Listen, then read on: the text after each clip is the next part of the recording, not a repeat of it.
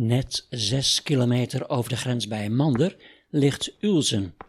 Ik loop er rond de evangelisch reformierte kirche. Deze kerk is zo'n 500 jaar oud en helemaal gebouwd met natuurstenen uit de groeves van het nabije Gildehuis Bad Bentheim. Hoewel veel minder zichtbaar, tref ik ook hier aan de zuidkant bij de zijingang de groeven aan waar ik eerder over vertelde in mijn verhaal over pestpoeder in Oldenzaal. Ik word uitgenodigd om op het bankje naast de hoofdingang te gaan zitten, want in de rugleuning staat gegraveerd: Ga zitten, God is al door. Ik blijf dus niet alleen te zijn. Afgezien van wat auto's die hier voorbij rijden, is het Amart rustig. Ik kijk op een bronzen standbeeld van een man met een zeis op zijn rechter schouder.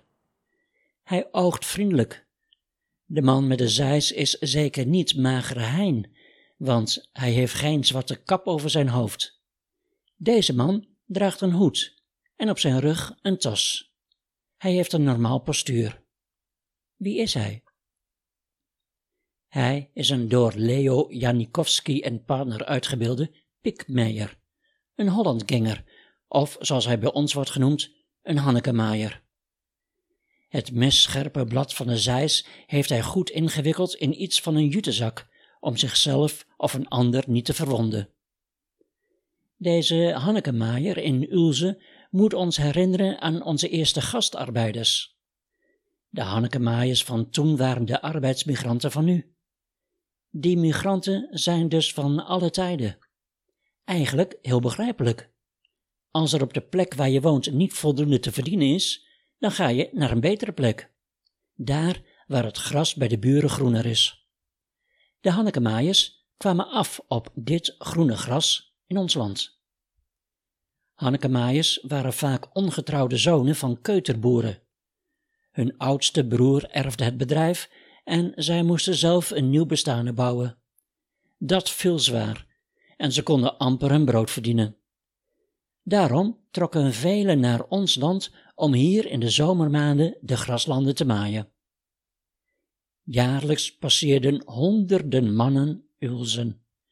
Ze kwamen hier uit de omgeving, Westfalen, Münsterland, de graafschappen Bentheim en Lingen en vorstendom Osnabrück.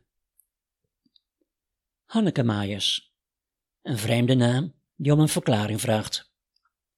Het woord Hanneke is afgeleid van de naam Johannes, afgekort tot Hannes, en komt van Sint Johannesdag op 24 juni. Dit was elk jaar de dag waarop de seizoensarbeid begon. Op deze van oorsprong Germaanse Sint-Jansdag maakte men grote vuren en was de oogst belangrijk. Het midzomerfeest. Dit was vooral een boerenfeest. Vanaf de Gouden Eeuw tot aan de Eerste Wereldoorlog kwamen elke zomer vele duizenden seizoenarbeiders vanuit Duitsland naar das Steinreiche Holland. Want door oorlogen, verwoesting en overbevolking was er in Duitsland veel armoede en werkloosheid. Jonge mannen trokken daarom naar het rijkere Friesland en Holland om de boeren te helpen bij de hooioogst en zo veel geld te verdienen. Hun motto was: Waar in der Heimat bittere Nood, in Holland gab's verdienst und brood. Een oud Hannekemaaiersrijmpje zegt: Pfingsten früh oder Pfingsten spät, Pfingsten gehen wir von Haus. Rond 1750, op het hoogtepunt van de seizoenarbeiders, trokken meer dan 25.000 Duitsers over de grens. Hannekemaaiers werden ook wel pikmeijers genoemd, zoals deze man hier aan Mart in Ulze. Een pik is een korte zeis om roggen te maaien. Anderen hadden het over poepen, omdat ze elkaar vaak aanspraken met boebe, dat is Duits voor jongen of kerel. Weer anderen noemden hen grasmoffen, Hollandsgangers of mieren. Na een omhelzing, een laatste handdruk en kus en een blief gezond of denk ook aan mij, trokken de jonge mannen als Anton, Hans, Heinrich, Frits en Wilhelm naar Holland en Friesland, waar de heren uit het Polland heel veel Duitse hadden. Met over de ene schouder de zeis en op de rug een grote blauwe linnen plunjezak met eten voor een week of langer. Worst, spek, rauwe ham en gerookt varkensvlees, omdat dat goedkoper was dan kopen in Nederland. En verder roggebrood, hardgekookte eieren, een beul tabak, baaien hemden, schoenen, sokken, groene zeep en zijsbenodigdheden als hamer, haarspit en wetstenen. Vaak ook lieten ze de zware plunjezakken vervoeren op wagens of schepen en namen ze alleen mee wat ze echt onderweg nodig hadden. Afhankelijk van de weersomstandigheden moesten de Hannekemaaiers toch zeker een week lopen. Ze namen elk jaar vaste routes. Deze gingen over de hoger gelegen zandruggen. De uitgestrekte veen- en moerasgebieden zorgden ervoor dat ze soms flink om moesten lopen om op de plaats van bestemming te komen. Hierdoor ontstond een heel netwerk van paden. Zo trok een bonte stoet van sober geklede, maar ook wel vreemd uitgedoste mannen over vaak oude, smalle paden in een lange rij achter elkaar door bos en veld. Soms liep iemand vooraan muziek te maken met een trekharmonica. Onderweg dronken ze karnemelk, wei of als extraatje gesmolten spek. Reizen was gevaarlijk en zeker als je te voet ging. Je moest altijd op je hoede zijn voor struikrovers. Daarom reisden de Hannekemaaiers in groepen die onderweg allemaal groter werden. Op vaste, duidelijke, herkenbare plaatsen, zoals een oude eik, een grote steen of een brug, verzamelden ze zich.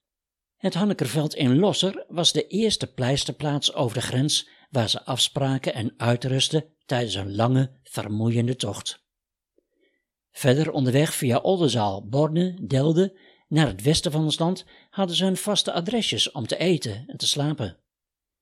Bij de een betaalden ze dan bijvoorbeeld 50 pfennig voor logies, maar bij de ander iets verderop 50 pfennig inclusief een spekpannenkoek. Die Hannekemaaiers gingen na aankomst meteen op zoek naar werk. Ervaren Hollandganger hadden een vast adres waar ze ieder jaar terugkwamen. Voor wie geen vaste boer had, ging naar de Poepenmarkt, ergens op een hoekje van de wekelijkse veemarkt in een of andere stad of dorp. Soms moesten ze eerst de handen laten zien, en als de boer vond dat er genoeg eelt op zat, waren ze aangenomen en gingen ze gelijk met hem mee.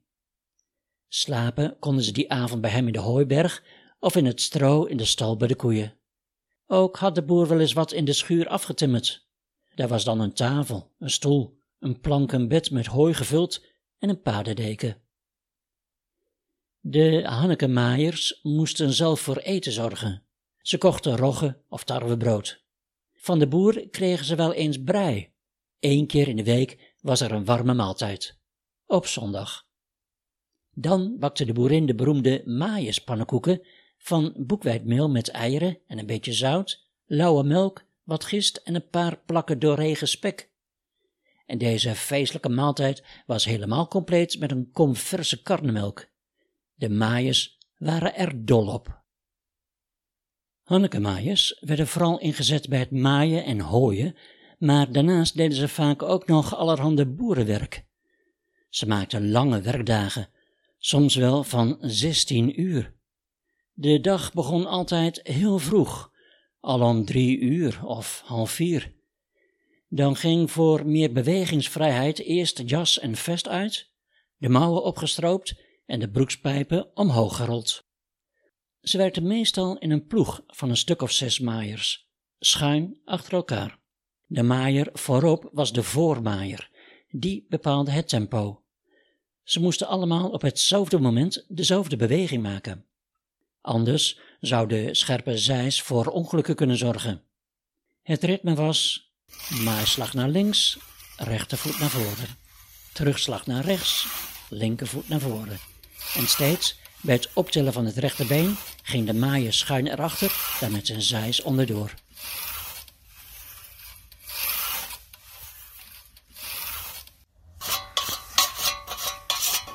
Uren stonden de maaiers voorovergebogen in het grasland. Wat zullen hun ruggen zeer hebben gedaan? Maar ging je stug door, dan maaide je als het ware door de pijn heen en had je er geen last meer van. Hopelijk. Na het maaien moesten ze het afgemaaide gras bij elkaar harken. De boerin of de meid bracht hen twee of drie maal op een dag koffie en soms om negen uur s'avonds een pan rijstebrei of karnemelkse pap. De boer had vaak van tevoren afgesproken wat ze zouden verdienen. De maaiers kregen best wel veel geld voor hun harde werken en vulden daarmee mooi hun winterspaarpotjes. Rond 1750 verdiende een maaier 18 stuivers, op zijn best een gulden per dag. Jaren later was dat zo'n 40 gulden voor zes weken maaien. In drie maanden kon het geldbedrag wel tot zelfs 100 gulden oplopen. Vele guldens werden op de terugreis aan de grens omgezet in Duitse marken. Zo ging er steeds een aardige som Nederlands geld over de grens.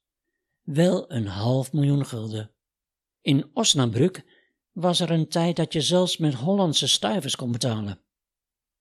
Voor veel jonge Duitsers was het dik verdiende geld reden om te trouwen en een gezin te onderhouden. Natuurlijk waren er Hannekemaaiers die aan de zwier gingen en geld uitgaven in kroegen en bordelen, maar de meeste waren spaarzaam en gingen zelfs trouw naar de kerk. Duitse predikanten uit Oldenburg en Hannover kwamen om op zondag op meerdere plekken in de kerken te preken. De maaiers werden dan wel eens het slachtoffer van flauwe streken, waarbij een grappenmaker tijdens de kerkdienst alle klompen van de maaiers in een grote zak deed en ze door elkaar schudde. Na de dienst zorgde het gegrabbel naar de juiste klompen uiteraard voor veel hilariteit bij de plaatselijke bevolking. Het aanbod van maaiers was groot. Niet raar dat de Hanneke maaiers het maai- en hooiwerk tegen concurrerende prijzen aannamen. Dit ten koste van de Friese arbeiders. Deze werden bitter teleurgesteld en moesten weer terug naar huis. Friese maaiers konden eerst vaak ook niet op tegen de Duitse maaiers. Zij hadden de slag nog niet zo goed te pakken en ook het scherpen van de zeis ging hen nog niet zo goed af, waardoor het maaien hen ook zwaarder viel.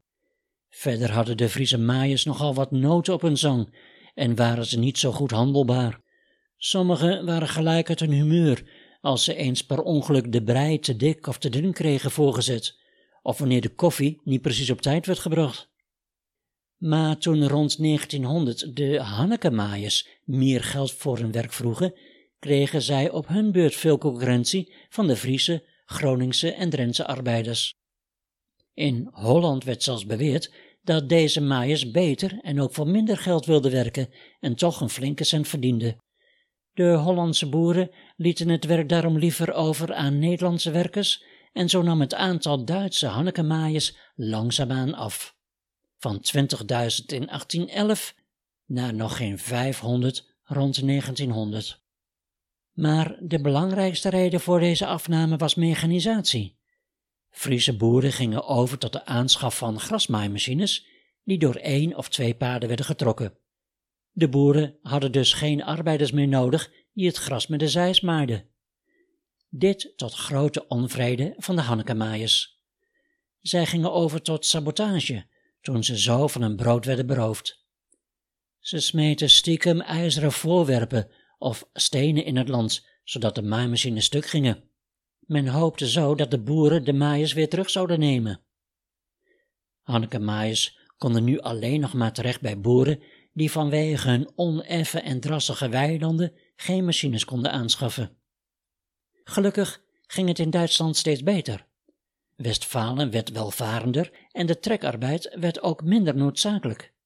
Nu was dichter bij huis werk te vinden. Hanneke Maaiers stonden over het algemeen bekend als vies. Ze deden nauwelijks iets aan lichaamshygiëne. Ze sliepen in een werkkleding en verschoonden zich om de twee of drie weken. Je kon ze op een uur afstand ruiken, beweerde men. Men vond ze ook dom, gierig en opschepperig. Ze deden zich beter voor dan ze waren, in de hoop te kunnen trouwen met een Hollandse of Friese vrouw.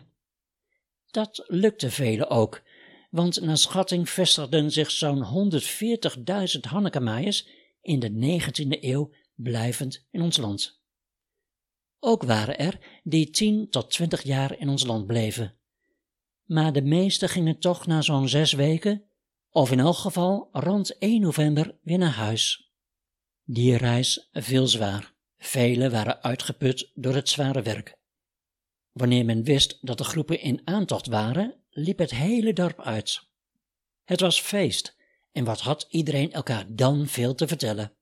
Soms was er verdriet om een geliefde die tijdens het maandenlange zware werk was bezweken. Het maaien van gras met een zeis en het maaien van roggen met de zicht en pikhaak is echt vakwerk. Het is een ambacht waar ik meer van wil weten. Bernard Knoop en Johan Veneklaas kunnen daar alles over vertellen, want als vrijwilligers van het Agrarisch Erfgoed Almelo houden zij dit ambacht levend bij de oogstgroep Almelo. Ik vraag, wat moet je vooral doen om het gras goed te kunnen maaien? Kijk naar de ligging van het gras. Je kunt niet tegen in mee. Tegen in, dat wil zeggen, als het gras op u aan ligt, of dat het van u af ligt. En dat het op u aan ligt, dan mee je tegen in. En dat wil niet. En dan moet je rustig doen? Ja. Uh, het is, en en uh, grasmeen is een kwestie van vuurtje voor vuurtje. En eigenlijk mee, zijn ze misschien ook een beetje over het gras laten lopen? Ja, als je dat niet doet, dan heet het zoer met. Je moet je lichaam ook niet te vullen bewegen. Dat is wat hem geeft. Je moet dus eigenlijk uh, één zwaaiende beweging maken, uh, om dat lange gras of te snie. Ja, en dat lijkt me toch wel een beetje gevaarlijk.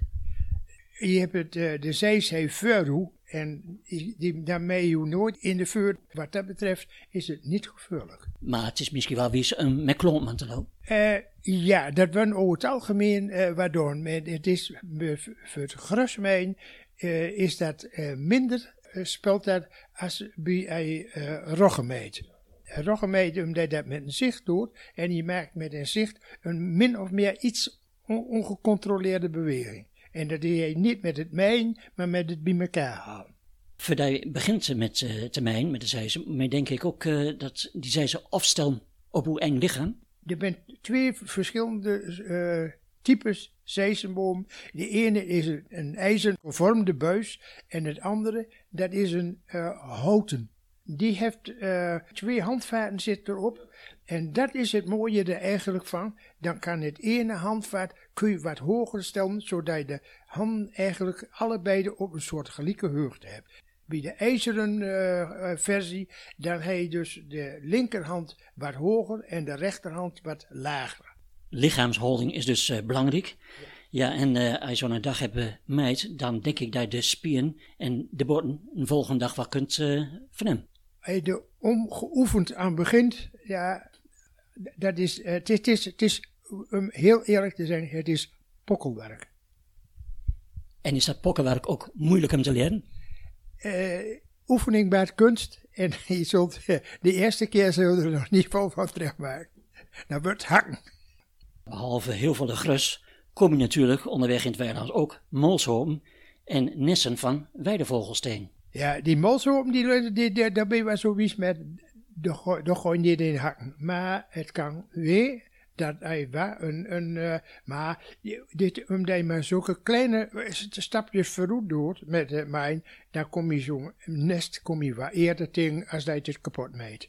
Nu is mijn ene, maar ja, de zijze scherp maken, dat is twee. Je hebt te maken met een groot lang mes van gehard kwaliteitsstaal. En dan met uh, flimscherp um, op zo'n manier uh, makkelijk het gerust kunnen mijnen. Ja, het uh, is gewoon zo, het scherp maken van zich of van zees, dat begin je met haarspit en een haarhamer. Een haarspit is een even vierkantig uh, blokje met een pen eronder. En in een paar handbreed onder dat blokje er zit een, een dwarsholte in, dat je door een, een, een andere pen deur kunt doen, zodat je met het haren, dat je die haar spit niet wegzakt in de grond. Die haarhamer, dat is een, een in het midden is het dikker en dan loopt naar de, naar de kanten uit, van onder plat en dan even een, een, een ronde, geen scherpe ding. En het is zo, en met een zeis begint te haan, waar je er begint, en dat, dat moet je een, een aantal keren moet dat doen. Uh, dan praat je over een, een haarpad. En dat is een, een traject waar je dan met aflegt van begin tot het eind van de hak naar de punt. En dan moet je dat een aantal keren doen, want die, die zees die gooi je eigenlijk dunner maken. Je maakt er een snit aan.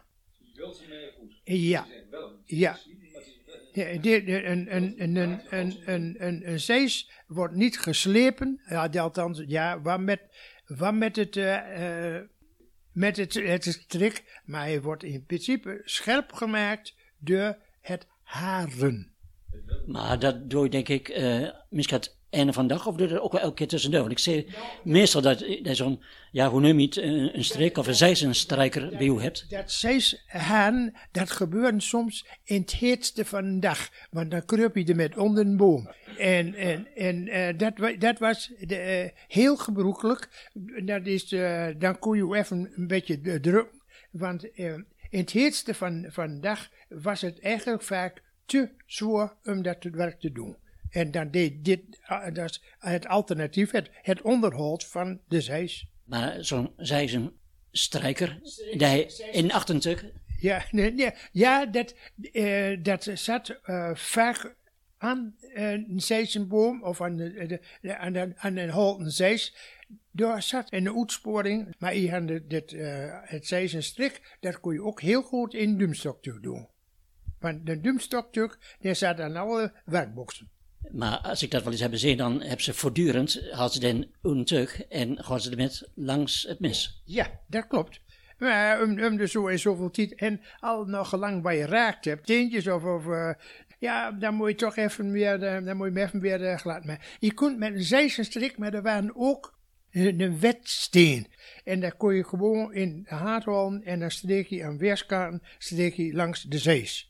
Als je aan mijn bent, dan moet je dus voortdurend met een zijzenstrijker, met een strik eh, en ook met het hameren, moet je regelmatig allemaal doen. Toch nog wel een beetje een, eh, ja, een specialistisch werkje, als ik het eh, op me zo horen. Ik moet er wel handigheid in hem. Hij daar zo mee, hij daar en dat moet, je ook, dat moet je ook leren. Ik heb in elk geval eh, dat, dat zien van iemand die eh, vanuit de Friesland van vroeger kwam. En dan perfect kon mijnen met de zees. En dan ook de zees kon haren zoals zich dat behoort. Maar verder hebben zij ze eigenlijk geen onderhoud nodig. Eh, ja, keer zo verwaarlozen van gereedschap, dat levert niks op. Maar de zees, dan kun je rustig eh, opbergen. Je moet alleen zorgen dat, je, dat er niet ergens opvalt en dat je zo, eh, of een ander er aan zal kunnen verwonden.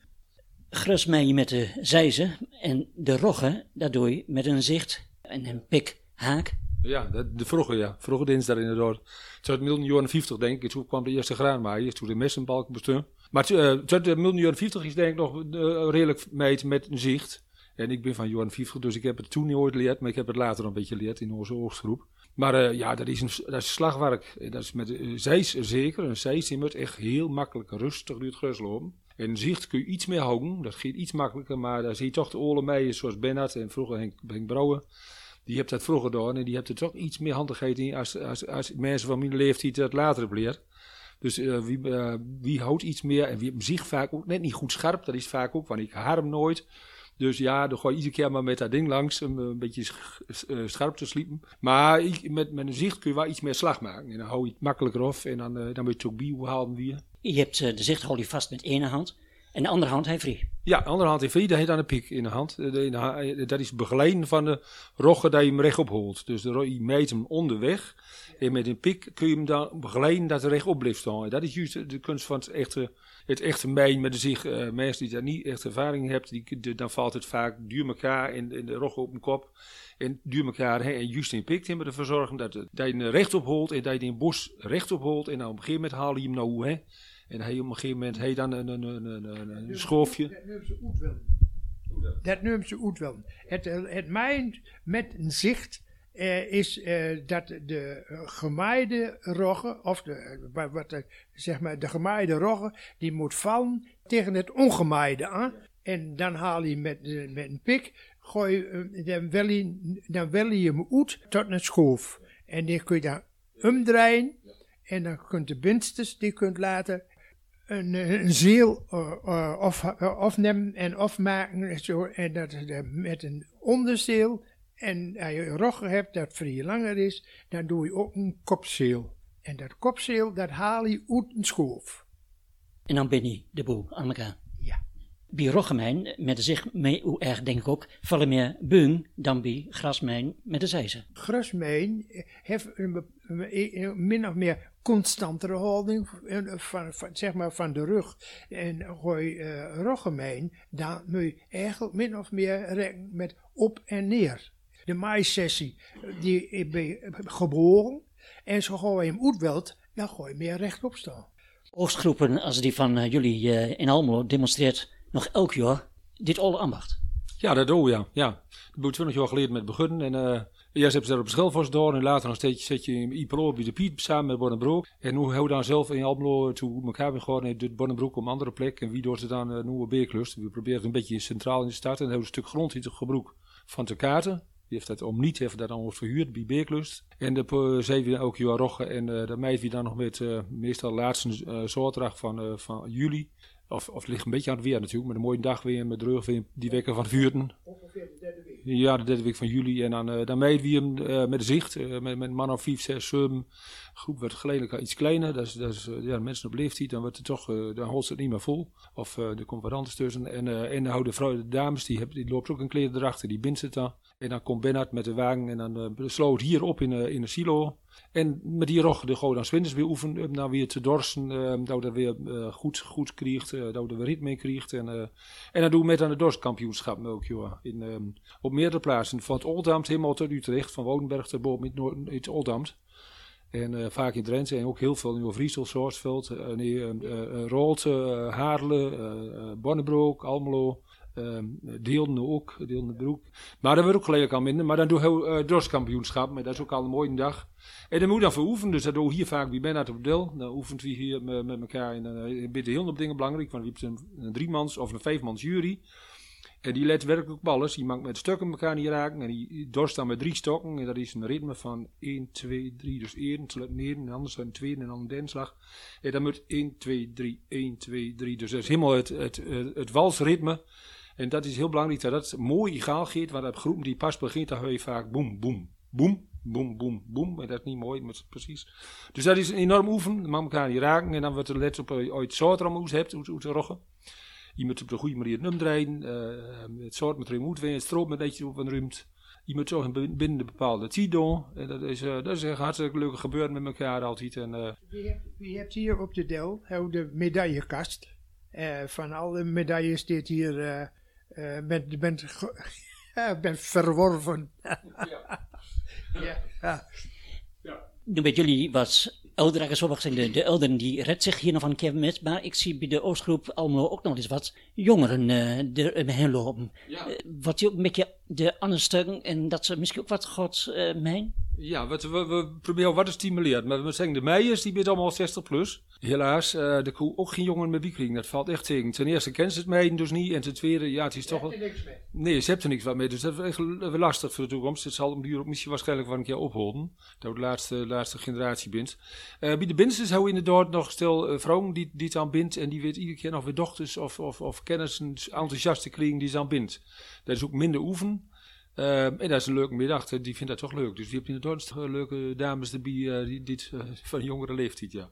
Ja, jullie hebben de schik aan, en dat zeg ik ook wel, als ik ook wel eens bij jullie kom kijken.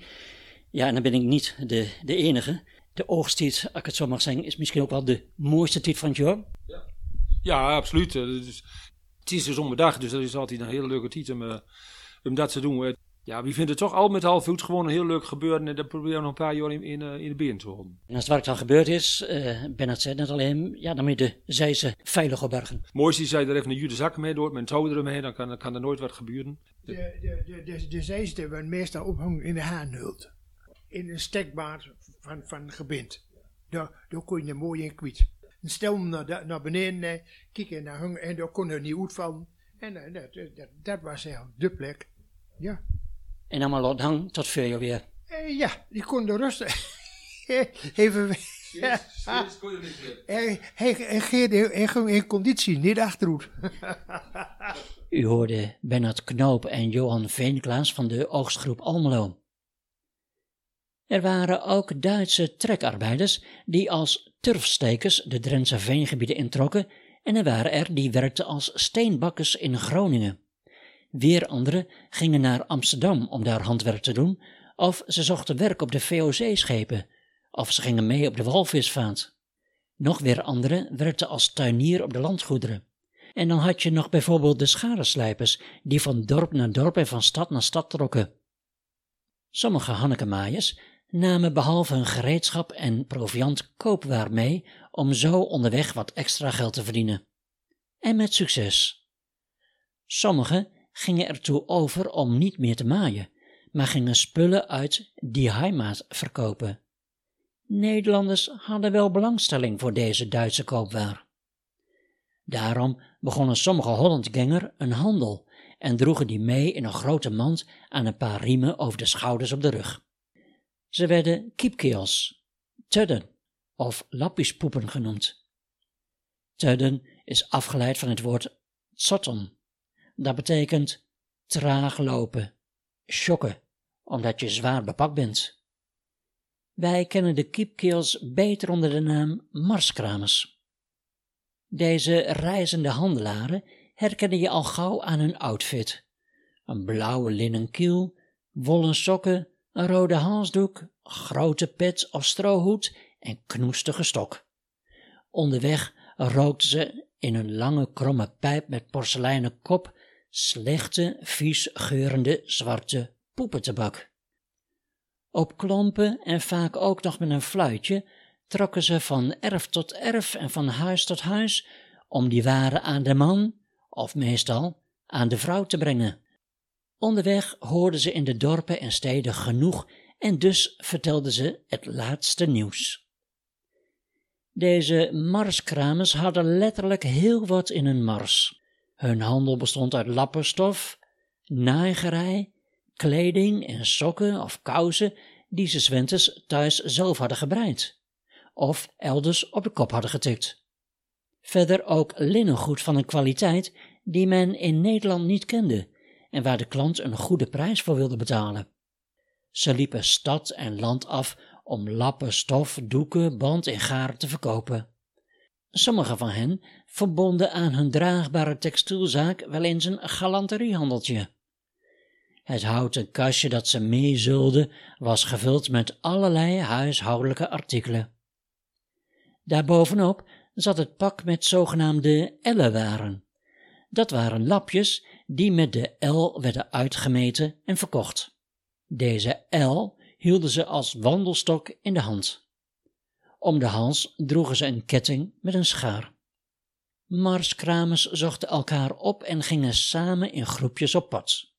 Dat was ook wel net zo veilig, want onderweg kon je ongure lieden tegenkomen, struikrovers die er niet voor terugdeinsden om eenzame marskramers te beroven.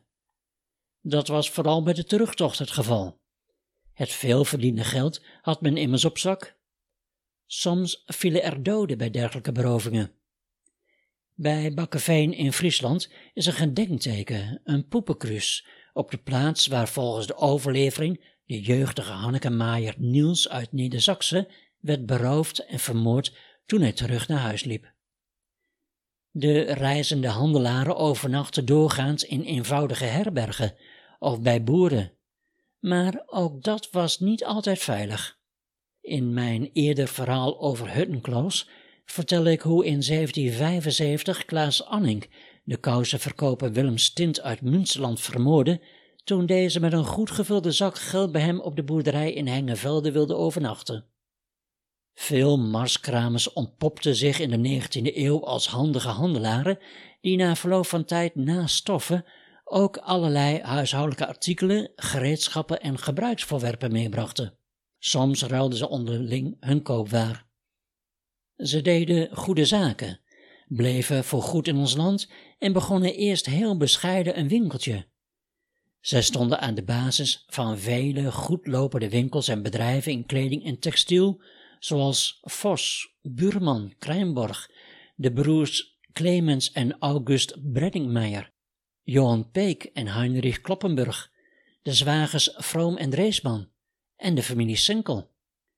Lapjeskoopman Eduard Lampe verkocht zijn textielwaren in Losser. Hij was een telg uit de bekende Tudde-familie met kledingzaken in heel Nederland. In Losser had ook de Tudde-familie ten Brink tot in de jaren zestig een kledingzaak. Als herinnering aan de tijd van de marskramers staat in de Lutte bij hotelrestaurant Wilmersberg een ton op een sokkel afgebeeld. In Almelo staat in de Grote Straat een bronzen marskramer en in Enter een bronzen beeld van marskramer Christian Roetgerink.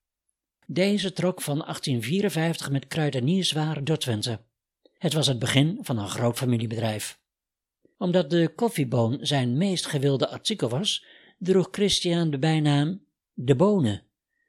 Koffie bleef belangrijk voor Roetgerink, want nog steeds is er de traditie om klanten van Roetgerink Mode een gratis kopje koffie te serveren. Veel dorpsgenoten van marskramer Christian Roetgerink trokken, net als de Hannekemaaiers, soms ook naar Holland om te maaien en te hooien en zo wat geld bij te verdienen. Daarom ook in Enter een kunstwerk van een man met zijs, de maaier. Haast identiek aan de pikmeier in Ulze. Mooi dat bij ons over de grens aandacht en respect is gekomen voor de Hannekemaaiers. Het standbeeld van de pikmeier hier bij de kerk aan Mart in Ulze houdt de herinnering aan al die duizenden seizoenwerkers levend. Wie in de voetsporen wil gaan van de Hannekemaaiers en de wandelende handelaren, is er het zogenaamde Marskramerpad. Deze 372 kilometer lange afstandswandeling begint met de Tuddenweg in Osnabrück en gaat via Bad Bentheim naar Oldenzaal. En gaat daar als Marskramerpad door via Deurningen, Borne, Delden, Enter, Rijssen, Deventer naar uiteindelijk Scheveningen. Voor heel veel meer verhalen over de Hollandganger raad ik het boek Hanneke Maaiers en Kiepkerels van Cornelis Mulder aan.